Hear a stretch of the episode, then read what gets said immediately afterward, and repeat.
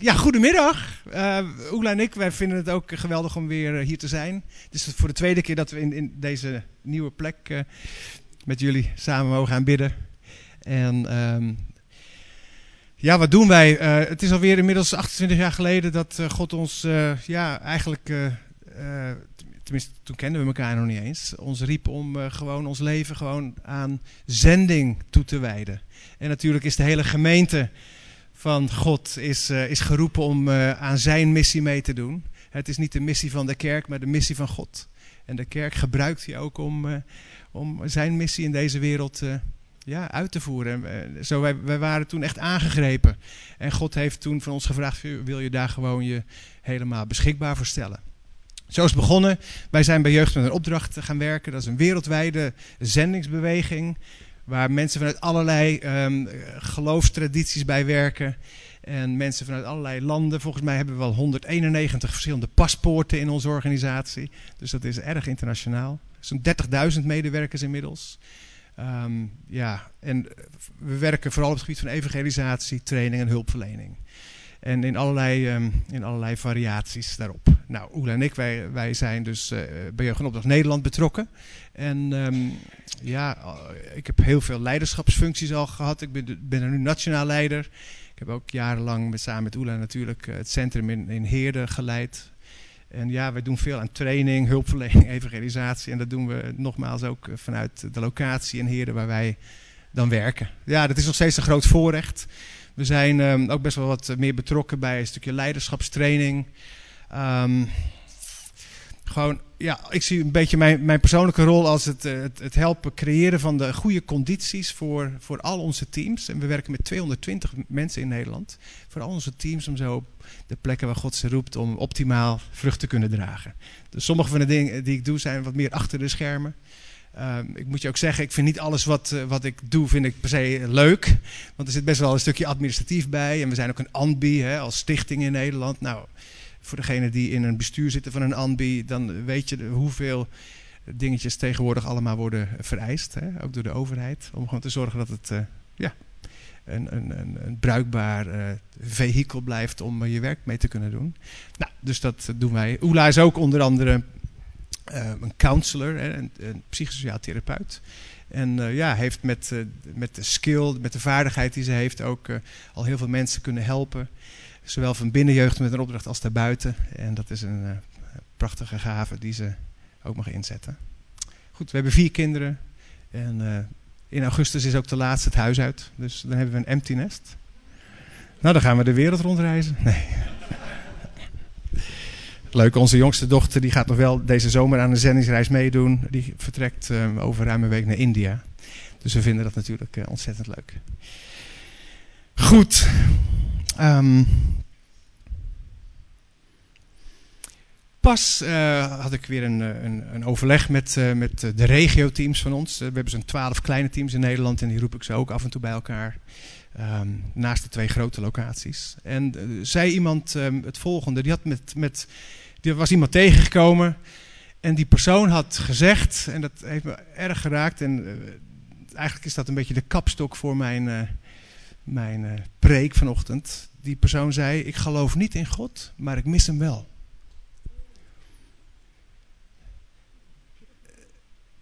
Ik geloof niet in God, maar ik mis hem wel. Ik dacht, dat is wat.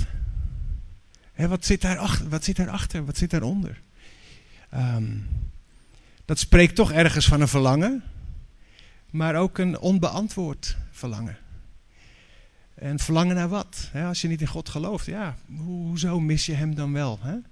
Er, er, zaten zoveel dingen, eigenlijk uh, maakte dat uh, bij mij los om, om daar ook uh, ja, gewoon eens, eens, wat over na te denken. Um, he, wat lukt er dan niet? Ik geloof niet in God, maar ik mis hem wel. Wat lukt er dan niet als het gaat om dat geloven in God? En hoe, hoe diep gaat dat gevoel? Wat, wat mist die persoon er eigenlijk? En waar komt dat door? Nou goed, ik, ik kan me wel iets bij voorstellen als je om je heen kijkt nu in de wereld waarin we leven. Met allerlei uh, toch wel heftige situaties. Met natuurlijk moslim-extremisme. Uh, de vluchtelingencrisis, de brexit, nou ja, klimaatverandering. Ik kan me voorstellen dat er heel veel onrust wordt veroorzaakt door dat soort grote eh, situaties waar we allemaal eh, natuurlijk van op de hoogte zijn. Hè, daar staat de krant vol van. Maar het kan ook heel, heel klein en persoonlijk zijn dat misschien die persoon ja, misschien wel in financiële nood zit of in een andere crisis ziek is. Um, werkloos, ja, waardoor er een onrust is en, en dat hij eigenlijk iets mist van, van ja, iets groter dan hem of haarzelf. Uh, goed, en, en ik denk dat, uh, dat wij wel kunnen beamen dat, uh, dat elk mens, wij ook een stukje geluk nodig hebben en vrede, harmonie in ons leven. En als dat allemaal op zijn kop staat om ons heen, dan, dan hebben wij zeker een nood. Ik kan me ook voorstellen dat, dat zo'n iemand um, ontdekt van... hé, hey, ik kom een beetje aan het einde van mij, mijzelf. Hè, van mijn eigen uh, kunnen. Ik, ik heb geen controle meer over mijn leven, over mijn situatie, over mijn wereld. Ja, en om dan te erkennen dat je eigenlijk afhankelijk bent en hulp nodig hebt... nou, dat, dat kost wel wat, denk ik een tijdje geleden inmiddels alweer was ik op een uh, trainingdag bij Soul Survivor. Dat, dit, dit gaat echt al over een jaar of vijf geleden. En um, er was toen een cult, cultureel filosoof, nou ik weet niet hoe je dat precies noemt. Um, en die sprak ook over de dilemma's waar nu vooral jonge mensen mee te maken hebben. Die natuurlijk in een hele andere wereld opgroeien dan, zoals hij dat zelf ook tegenover elkaar zette, dan de wereld van zijn oma. En um, en ik denk, daar ligt ook wel een, een, stukje van de vraag en de onrust van onze opgroeiende generatie, waar we ons wel bewust van mogen zijn. Hij zegt, mijn oma, die groeide op in één wereld. Die werd geboren in een bepaald dorp, ik weet niet meer welk dorp, maar goed, het gaat even om de illustratie. Die wist eigenlijk al waar ze naar school ging, eh, naar welke kerk ze ging, dat ze, iemand zou trouwen uit haar dorp en ja, zelfs waar ze begraven zou worden, bij wijze van spreken. Hè? Dat was gewoon één Eén wereld. En het was vrij samenhangend. Geen gekke dingen. Maar dat is heel anders uh, in onze tijd, waar jongeren opgroeien. Die leven in heel veel werelden. Die hebben hun Facebook-wereld. De social media. Ze hebben hun wereld in de kerk met hun vrienden. Ze hebben de wereld op school. Misschien wel op een sportvereniging. En dat zijn ogenschijnlijk allemaal onsamen samenhangende werelden. Ja, en wat is dan werkelijk je plek in deze wereld? Hè? Wat geeft je echt die betekenis en uh, ook rust uh, om, om ook vanuit te leven? En hij vertelde hoe belangrijk het is dat wij, denk gemiddeld zijn wij uh, iets ouder dan de jongeren die hij dan beoogde. Hij zegt het is zo belangrijk dat wij, als wij ook jongeren trainen, dat we ze, dat we ze laten zien dat ze een deel kunnen zijn van een groter verhaal een metanarratief, een metanarrative, een groot verhaal waar allerlei dingen samen kunnen vallen. Een verhaal met een begin, met een einde, met een, met een bepaalde richting. En zo'n verhaal is natuurlijk ook het verhaal van God in de geschiedenis. En ik denk als wij ook, zoals we hier zitten, maar ook jonge mensen kunnen zien van hé, hey, mijn wereld die zo gefragmenteerd lijkt, heeft toch een bepaalde richting als ik ga snappen wat mijn plekje is in dat grote plaatje van God. En ik denk zo kunnen mensen, en misschien wel die persoon die ook nu zei van ik geloof niet in God, maar ik mis hem wel. Misschien heeft het ook te maken met het ontbreken van gewoon een kompas uh, in zijn of haar leven. En ik denk het is belangrijk dat wij allemaal het gevoel hebben van stukje betekenis. En dat we iets kunnen toevoegen, ook met ons leven, met onze talenten, met onze gaven, aan iets wat groter is dan onszelf. Ik denk dat onze cultuur uh, natuurlijk ons ontzettend beïnvloed. Hè. Een paar eeuwen geleden toen de verlichting vanuit Frankrijk naar boven kwam. Dat was eigenlijk zoiets van, nou geloof maar niet meer allemaal wat die oude tradities je voorhouden. Maar de, de reden werd uh, heel belangrijk. Nou, dan werden al heel veel dingen, vooral als het gaat om ons christelijk geloof, werden op losse schroeven gezet. Dan heb je het postmodernisme. Ik ga het allemaal niet uitleggen, maar dat houdt eigenlijk zoveel in van, nou, er is geen absolute waarheid. Iedereen heeft zijn eigen waarheid. Nou, lekker hou vast. Hè? Dus dat is gewoon de wereld, in onze cultuur ook, waar uh, wij allemaal eh, door beïnvloed worden. Ik geloof niet in God, maar ik mis hem wel. Misschien dat deze persoon ook gewoon niet kon geloven in God vanwege teleurstelling in mensen. en ook helaas in christenen vooral. wij hebben uh, pas een buurman, uh, buurman verloren, was al op hogere leeftijd. Uh, buuropa noemden we hem bij ons in de straat. En um, was geen gelovig mens, wel ooit in een kerk opgegroeid, zoals de meeste mensen van die generatie, denk ik, in Nederland. En op een gegeven moment op de begrafenis um, hoorden wij dat hij tegen zijn kinderen wel soms zei van, of wel eens had gezegd van ja, die Dick en Oela, die zijn nou wel van de kerk, maar hè, ze zijn wel eerlijk. Dat, ja, dat vond ik eigenlijk wel grappig. Hè? Ze zijn wel van de kerk, dat was dan echt een nadeel. Want uh, mensen van de kerk die zijn eigenlijk uh, niet, ja, niet betrouwbaar of uh, de, die moet je niet te veel hebben. Maar wij waren dan op, zich wel goed, goed uitgevallen. Dan gaat het even niet om ons in het verhaaltje, maar hoe, hoe zijn leven eigenlijk gewoon een soort van dicht was gegaan voor christenen. Omdat hij gewoon teleur, teleur was gesteld. En, en, en, dus ook de deur voor God dicht. Hè? En, en, ik denk dat is helaas ook een realiteit. Ja, gewoon in onze wereld. Hè? Het is soms uh, makkelijker om het evangelie te prediken in een plek waar mensen nog nooit van God hebben gehoord. Dan waar, uh, waar het evangelie al, misschien al heel lang is geweest en mensen er een, uh, ja, een potje van hebben gemaakt. En nogmaals, we, we maken er allemaal tot op zekere hoogte wel eens een potje van. Maar hoe maken we het dan weer goed? Hè? Um, en, en kunnen we dat ook altijd weer goed maken? Als je vandaag in, in onze wereld waarin we leven, een postchristelijke wereld, een, een uh, ja, land, als je het evangelie wilt vertellen, dan moet je mensen vaak eerst uh, gaan ontdooien. In de zin van dat je door je leven te delen met hen, dat ze erachter kunnen komen van, oh oké, God is goed en christenen zijn ook oké. Als je ze al op die plek kan krijgen, nou, dan heb je alweer heel wat gewonnen. Nou, dan zijn ze misschien open voor het evangelie.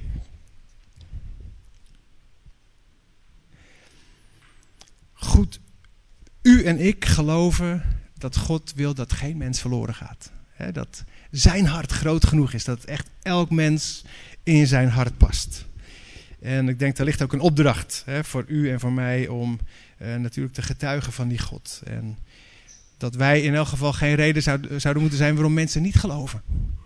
Maar dat wij juist een reden mogen zijn waarom mensen wel zouden willen geloven in die God. Die wij dienen en die ons ook uh, ja, zoveel vreugde en vervulling in ons leven geeft. God laat zich kennen. Daar wil ik gewoon even kort bij stilstaan. Als mensen God zoeken, of om wat voor reden hem dan nog niet hebben gevonden, maar God laat zich kennen. In een gebed van Jezus uit Johannes 17, daar bidt hij het volgende tot zijn hemelse vader uiteraard. We kennen dat gebed van, uh, van uh, dat hij bidt voor eenheid. Daar zegt hij, u, u hebt mij macht gegeven over alle mensen. En u hebt de mensen die bij mij horen aan mij gegeven. U wilt dat ik hen het eeuwig leven geef. Dat betekent dat zij u van dichtbij mogen kennen. U, de enige ware God. En dat ze mij mogen kennen als degene die door u naar de wereld is gestuurd. U wilt dat ik hen het eeuwig leven geef. Dat betekent dat zij u van dichtbij mogen kennen. Nou, het eeuwige leven, eeuwige leven wat God ons geeft, heeft er ook alles mee te maken dat we hem van dichtbij mogen kennen. Het kennen van God hoort bij het leven met een hoofdletter. Het eeuwige leven. Nou, ik noem eens een paar verschillende manieren waarop wij God kunnen kennen. En uh, ik denk dat u de meeste wel met mij zou kunnen noemen. De belangrijkste, of een paar van de belangrijkste, en ik ga daar even kort op in. De schepping uiteraard, de Bijbel, Jezus als het levende woord. Maar ook in de geschiedenis kunnen we God leren kennen. En in ons eigen leven uiteraard. Um, door onze eigen omgang met God. Goed, de schepping. Hè? We kunnen hem kennen door zijn werken heen. Het grote boek van werken. De schepping, de natuur zijn stille getuigen van het bestaan van God. En ik lees daar even een klein stukje uit Psalm 19 voor.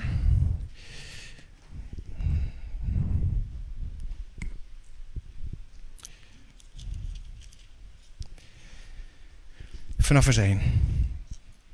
Psalm 19 vanaf vers 1. De hemel vertelt aan de mensen hoe machtig God is. De hoge hemel laat aan iedereen zien wat God gemaakt heeft. De zon, de maan en de sterren. De hemel vertelt het elke dag. De hemel zegt het iedere nacht. In een heel eigen taal. Het is geen gewone taal. Geen taal met woorden. Het is een taal zonder geluid. Toch gaat het bericht de hele aarde over. Het gaat de hele wereld rond. God gaf de zon een plaats aan de hemel. Elke ochtend komt de zon stralend tevoorschijn. Dan begint hij de weg die hij elke dag gaat. Aan het eind van de hemel komt de zon op. Aan het andere eind gaat hij onder. Zo geeft hij warmte aan de hele aarde. In Romeinen staat ook nog zo'n bekend vers. Wellicht ook, um, ja, heb je wellicht vaak gehoord. Romeinen 1, vers 19. Want wat een mens over God kan weten, is hun bekend omdat God het aan hen kenbaar heeft gemaakt. Zijn onzichtbare eigenschappen zijn vanaf de schepping zichtbaar in zijn werken. Zijn eeuwige kracht en goddelijkheid zijn voor het verstand waarneembaar. Ik denk dat we in, vooral in de natuur uh, iets kunnen zien van de macht van God. Um, van de majesteit van God, van zijn schoonheid. Um, van zijn briljante capaciteit. We kunnen heel veel zien vanuit de schepping. Als we daar goed naar kijken. Ik heb um, pas zo'n clipje gezien ook. En jullie wellicht ook over een telescoop die dan in de ruimte gaat. En dan denk je, ja, het is onvoorstelbaar groots en wonderlijk uh, gemaakt. En dan heb je een ander filmpje die weer helemaal naar het kleine gaat kijken. En dan ga je op een gegeven moment in een cel kijken. En ja, dan kun je alleen maar diep onder de indruk zijn. Dan denk je, wauw, wat een geweldige maker uh, hebben wij. En we kunnen iets van God kunnen we zien in zijn schepping. Maar we zien daar niet alles in. Het is eigenlijk niet voldoende. En daarom hebben we ook zijn woord nodig. God laat zich ook kennen door zijn woord. En gelukkig hebben wij dat uh, beschikbaar. Al heel veel jaren. In onze eigen taal zelfs. In vele vertalingen. Op Psalm 19 lees ik een volgend stukje. Dan gaat het over de wet van de Heer is volmaakt. Nou, dit gaat hem alweer over zijn, zijn woord die hij heeft gegeven. De woorden van de Heer zijn betrouwbaar. Oh, sorry. De wet van de Heer is volmaakt. Zijn wet geeft mensen weer kracht. De woorden van de Heer zijn betrouwbaar. Het zijn wijze lessen voor jonge mensen. De opdrachten van de Heer zijn goed. Ze geven mensen vreugde. De regels van de Heer zijn duidelijk. Ze geven mensen nieuwe kracht. De woorden van de Heer zijn volmaakt en ze gelden voor altijd. De wetten van de Heer zijn betrouwbaar. Ze zijn allemaal goed. Ze zijn meer waard dan het zuiverste goud. Ze zijn beter dan de zoetste honing. De schepping zegt dat hij er is. De Bijbel leert wie hij is en hoe hij is. Um, even kort samengevat zou je kunnen zeggen natuurlijk dat de Bijbel de openbaring is van Christus hè, aan ons. Maar er staat natuurlijk veel meer in. Hè, hoe het allemaal is begonnen. Uh, wie, wie, wie, God is. Uh, de vader van, hè, van, van Jezus. Zijn hele reddingsplan. Wat geweldig dat wij de Bijbel hebben. De openbaring van God, zijn liefdesbrief aan ons. En de, daar is zoveel wat wij uit die Bijbel halen. En ik denk een van de grootste openbaringen die wij van God hebben ontvangen. En daarom denk ik is het ook onze verantwoordelijkheid om die Bijbel echt heel goed te lezen. En tot ons te nemen, te bestuderen. En God openbaart zijn gedachten en zijn wegen in zijn woord. Ik heb die niet meer nodig.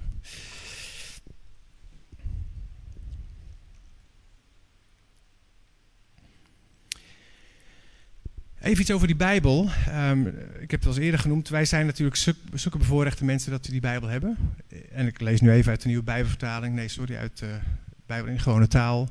Maar we hebben natuurlijk een hele reeks van Nederlandse vertalingen. Maar um, ik wil gewoon even iets zeggen over um, de ontwikkeling van die Bijbel en die vertalingen op dit moment. Gewoon om ook uh, in jullie gebed misschien erbij betrokken te zijn. Uh, volgend jaar vieren we natuurlijk weer het jaar van de Reformatie vanaf 31 oktober. En dit is het officieel, officiële jaar van de Bijbel. Nou, er is waarschijnlijk niet zoveel over bekend, maar Revo 500 is zo'n organisatie die dat in, in Nederland wat heeft aangezwengeld. En dat heeft dit jaar te maken met het feit dat Erasmus, uh, 500 jaar geleden dus, ja, eigenlijk die bronteksten weer zo mooi bij elkaar heeft gebracht. In zijn tijd klaarblijkelijk uh, werden teksten gebruikt die wat waren ja, gecorrumpeerd, die waren wat uh, eigenlijk niet zo betrouwbaar meer. Um, en hij heeft echt uh, zich daar enorm op voor ingezet om weer eigenlijk een, een, betere brontekst te krijgen. Nou, dat heeft iemand als Luther heel erg geholpen om de Duitse vertaling 500 jaar geleden dus te, te maken. Um, is ook rond die tijd met een Engelse vertaling bezig geweest.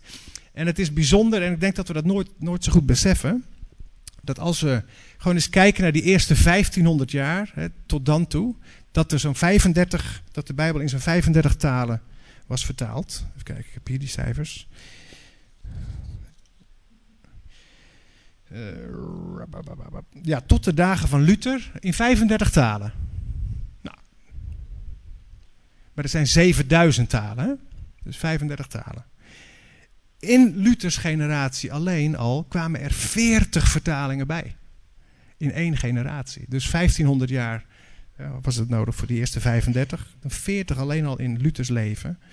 Nou, op dit moment is er van alles gaande wereldwijd om die Bijbel um, in, alle, in alle hartstalen van mensen vertaald te krijgen. Nou, jullie hebben allemaal wel van Wycliffe Bijbel, Bijbelvertalers gehoord. Maar er een hele groep van organisaties, jeugdopdracht is er ook bij betrokken, zijn heel intentioneel bezig om, uh, om echt uh, sneller dan snel die Bijbel beschikbaar te maken voor ja, meer mensen in hun eigen taal. Het doel is. Oh, een tijdje geleden was Wycliffe gevraagd, zo'n 15, 16 jaar geleden, rond, rond het jaar 2000, was Wycliffe gevraagd: van hoe lang hebben jullie er nog werk over om alle vertalingen klaar te krijgen. Nou, toen werd er gezegd zo'n 150 jaar. Nou, dat, dat, hè, dat was een heel realistisch doel, maar dat was natuurlijk niet goed genoeg. Tenminste, voor de mensen die daar met elkaar echt over gingen spreken, die zeiden dat moet beter kunnen. En uiteindelijk um, zijn er nu een aantal hele nieuwe commitments gemaakt. En dat heeft onder andere te maken met hele nieuwe methodieken om de Bijbel te vertalen. Uh, de nieuwe technologie die beschikbaar is gekomen. En echt die uh, echt intentionele samenwerking.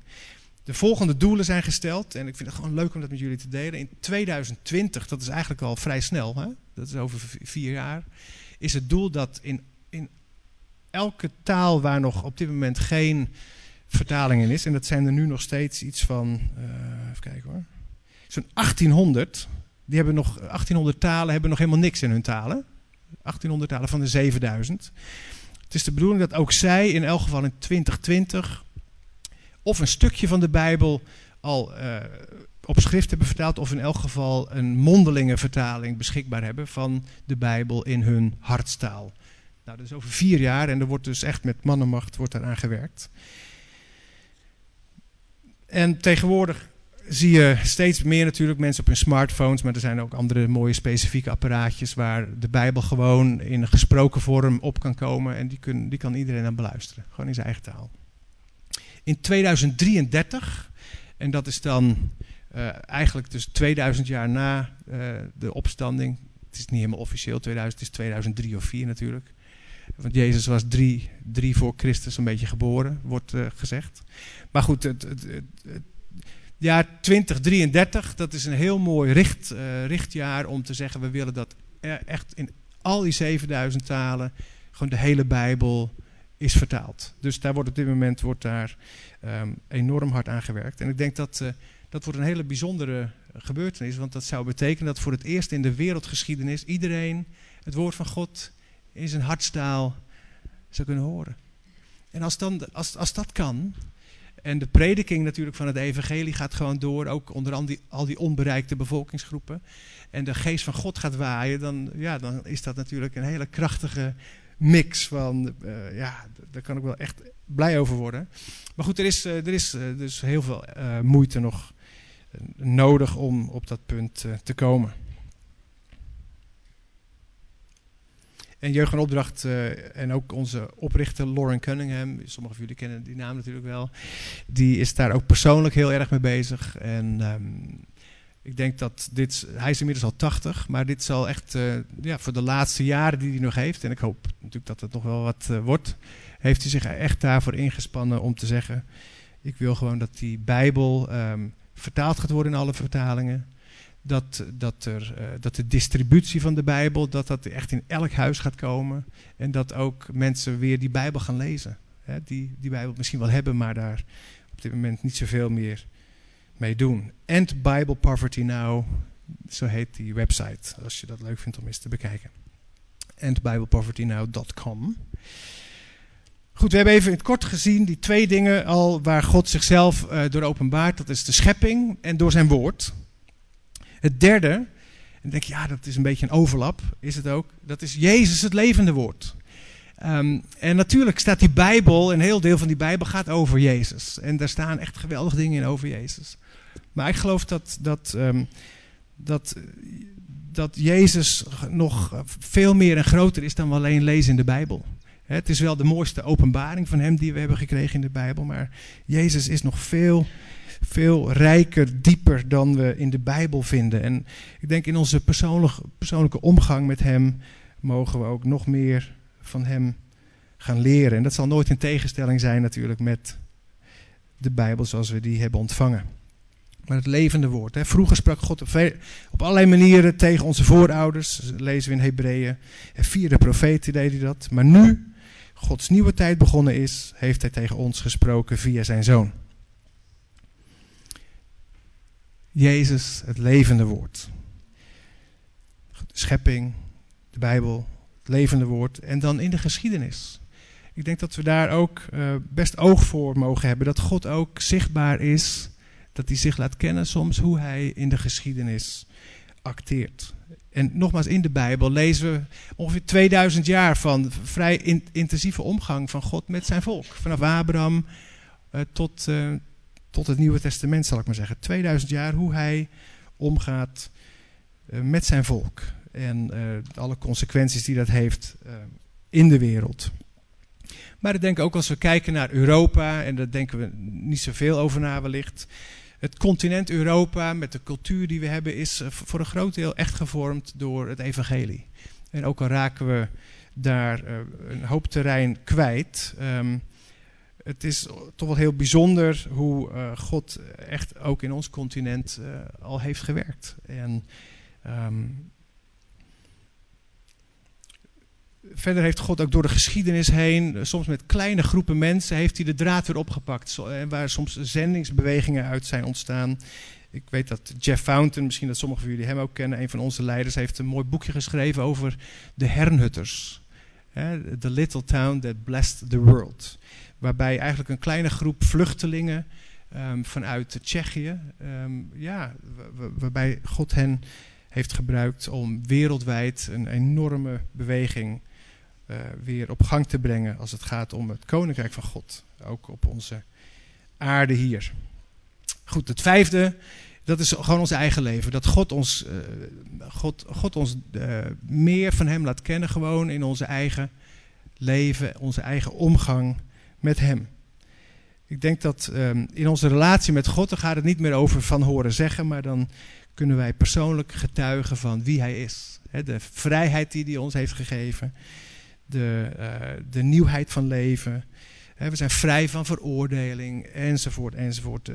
De, dingen die God in ons eigen leven doet, um, helpen ons om Hem nog beter te leren kennen. En ik weet dat dat, dat soms ook een zoeken is voor ons. Um, hè, we weten God laat zich vinden, laat zich kennen. Maar het is niet volledig hè, zoals we hem leren kennen. In 1 Korinthe 13 zien we zo'n mooi um, stukje waar eigenlijk staat dat we net, uh, net als in een wazige spiegel als het ware kijken. Er staat nu ken ik onvolkomen, maar dan zal ik ten volle kennen zoals ik zelf gekend ben. Dus hè, het, is nog niet mogelijk om God totaal te kennen, maar we kunnen hem al dusdanig kennen door ook onze wandel met hem, dat wij daar eh, voldoende aan hebben om echt ons leven ehm, ja, uh, aan deze kant van de eeuwigheid als het ware te leven. Maar we zijn wel te volle gekend door Hem. En ik denk dat is wel een heel troostend woord uit datzelfde schriftgedeelte. over het zoeken naar God, als een verborgen schat als het ware. Als je God zoekt met je heel je hart, staat er in Deuteronomium 4, met je hart en met je ziel, zal je Hem vinden. Er staat in Hebreeën 11, vers 6, God laat zich vinden. dat is een beloning voor wie Hem echt zoekt dus eh, soms als, als je het idee hebt van, joh, eh, ik, ik, ik, ik, eh, dat kennen van hem, dat gaat niet zo makkelijk. Nou, soms dan neemt het ook inderdaad een stukje inspanning. Maar het is niet dat hij zich heeft verstopt, maar we mogen, als we ons heel specifiek ook richten op hem, laat hij zich vinden, zoals de Bijbel ook zegt.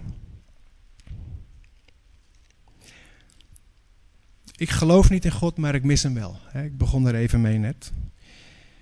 Maar zou het ook kunnen dat je wel in God gelooft en hem ook mist? Um,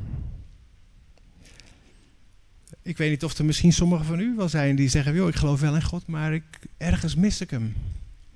Is er een afstand tussen u en God?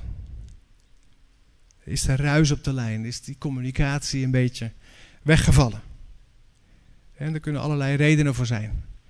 Ehm, omstandigheden of misschien keuzes die, uh, die u of die jij hebt gemaakt. Uh, een relatie kan ook een soort sleur worden. Hè? Dat kan in een huwelijk zo zijn, maar ook in je relatie tot God. Dan kan die liefde wat weg ebben. En misschien is dat wel gebeurd. Of je honger naar God is wat afgezwakt dus het kan zijn dat u hem ook mist, terwijl u, hem, terwijl u hem eigenlijk wel kent en ook zeker in hem gelooft. En als dat zo is, dan mag je dat ook gewoon tegen hem zeggen. En je leegte en je, ja, je behoefte aan geborgenheid opnieuw gewoon erkennen en ook uitspreken. Ik, in deze context wil ik ook gewoon nog weer even noemen die prachtige gelijkenis van de, de verloren zoon. gelijkenis van eigenlijk de liefdevolle vader. En daar is het niet alleen zo dat die zoon zijn vader mist, maar de vader mist ook zijn zoon. En zo kan het ook maar zo zijn dat, eh, dat God vandaag zegt van ik mis ook jou. Ik mis ook u. En hij ziet uit naar het moment dat je weer thuis komt. En hij zal, wat er ook is gebeurd, je weer omarmen en kussen. Zoals ook de verloren zoon dat doet bij zijn zoon, die terugkomt in het verhaal dus misschien mist u God, terwijl u hem wel kent en ook in hem gelooft. En dan is mijn gebed dat uh, u vandaag weer mag thuiskomen. En de moed mag vinden om, ja, om ook te beleiden wat u nodig heeft. En hij zal u omarmen. En met zijn onvoorwaardelijke liefde zal hij u weer aannemen. En ik denk de mensen die u ontmoet, um, nu of in de vakantie of straks weer um, uh, als het gewoon het, het, seizoen na de zomer weer begint. De mensen die u ontmoet die hem dus niet kennen, die nog niet in hem geloven, die hebben de schepping natuurlijk en verder niks. Behalve misschien u. En ik geloof, daar ligt zo'n vreugde voor ons als getuigen van Christus. Hè, dat we, we, natuurlijk, we hebben de schepping en dat is een, getuige, een soort van stille getuige van wie God is. Maar als mensen de Bijbel niet kennen, ze kennen Jezus niet, maar ze kennen u en mij, wauw. Dan zijn ze dichter bij het kennen van God dan ze misschien wel dachten. omdat wij mogen getuigen van wie God is en, zijn aanwezigheid ook in ons meedragen. Dus laten we altijd alert zijn ook op, dat, uh, op die geweldige roeping van God op ons leven. Dat wij echt als getuigen ook naar anderen Hem bekend kunnen maken. En de vakantietijd is ook weer een, misschien een mooie gelegenheid om God weer wat meer te gaan zoeken. Dan hebben we wat meer tijd. Ik weet, sommigen van ons nemen een hele stapel boeken mee op vakantie. Anderen trekken lekker de stilte in of de natuur. En ga, ja, ga weer opnieuw echt God ook zoeken. Want die relatie tot Hem is zo belangrijk. En Hij wil zich zo graag nog meer aan u en aan mij ook bekendmaken. En Heer, dat is ook mijn gebed. Heer, we danken u dat, dat ook uh, als, uh, terwijl we u kennen en in u geloven, Heer, dat, ja, dat het nog steeds soms zo kan zijn dat we um, ja, u missen. Dat ergens in die omgang um, met u, dat, ja, dat het gewoon niet helemaal lekker loopt. Heer, en ik verlang zo, Heer, dat voor mijzelf, maar ook voor ons zoals we hier zijn, Heer, dat u ook in de komende tijd weer um, ja, echt die, die, die plek gaat krijgen waarin we gewoon in, zekere zin intiem kunnen zijn met u. Heer, dat we u echt weer mogen kennen. Um, Heer, en dat we u niet hoeven missen, maar uh, ons omarmd weten. Heer, en geliefd weten door u. Heer, en zo bid ik, Heer, dat u ons ook um, toerust. Heer, om als getuige van u in onze wereld um, u bekend te maken. Heer, als, als u gekend wilt worden, Heer, dan zijn ook wij deel van uw plan. Heer, om u bekend te maken.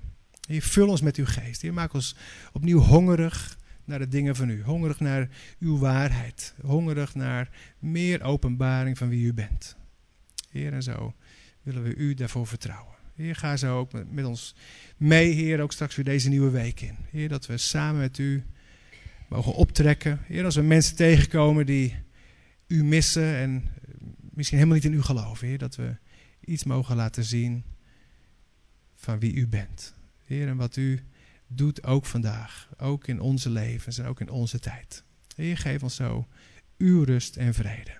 In Jezus' naam.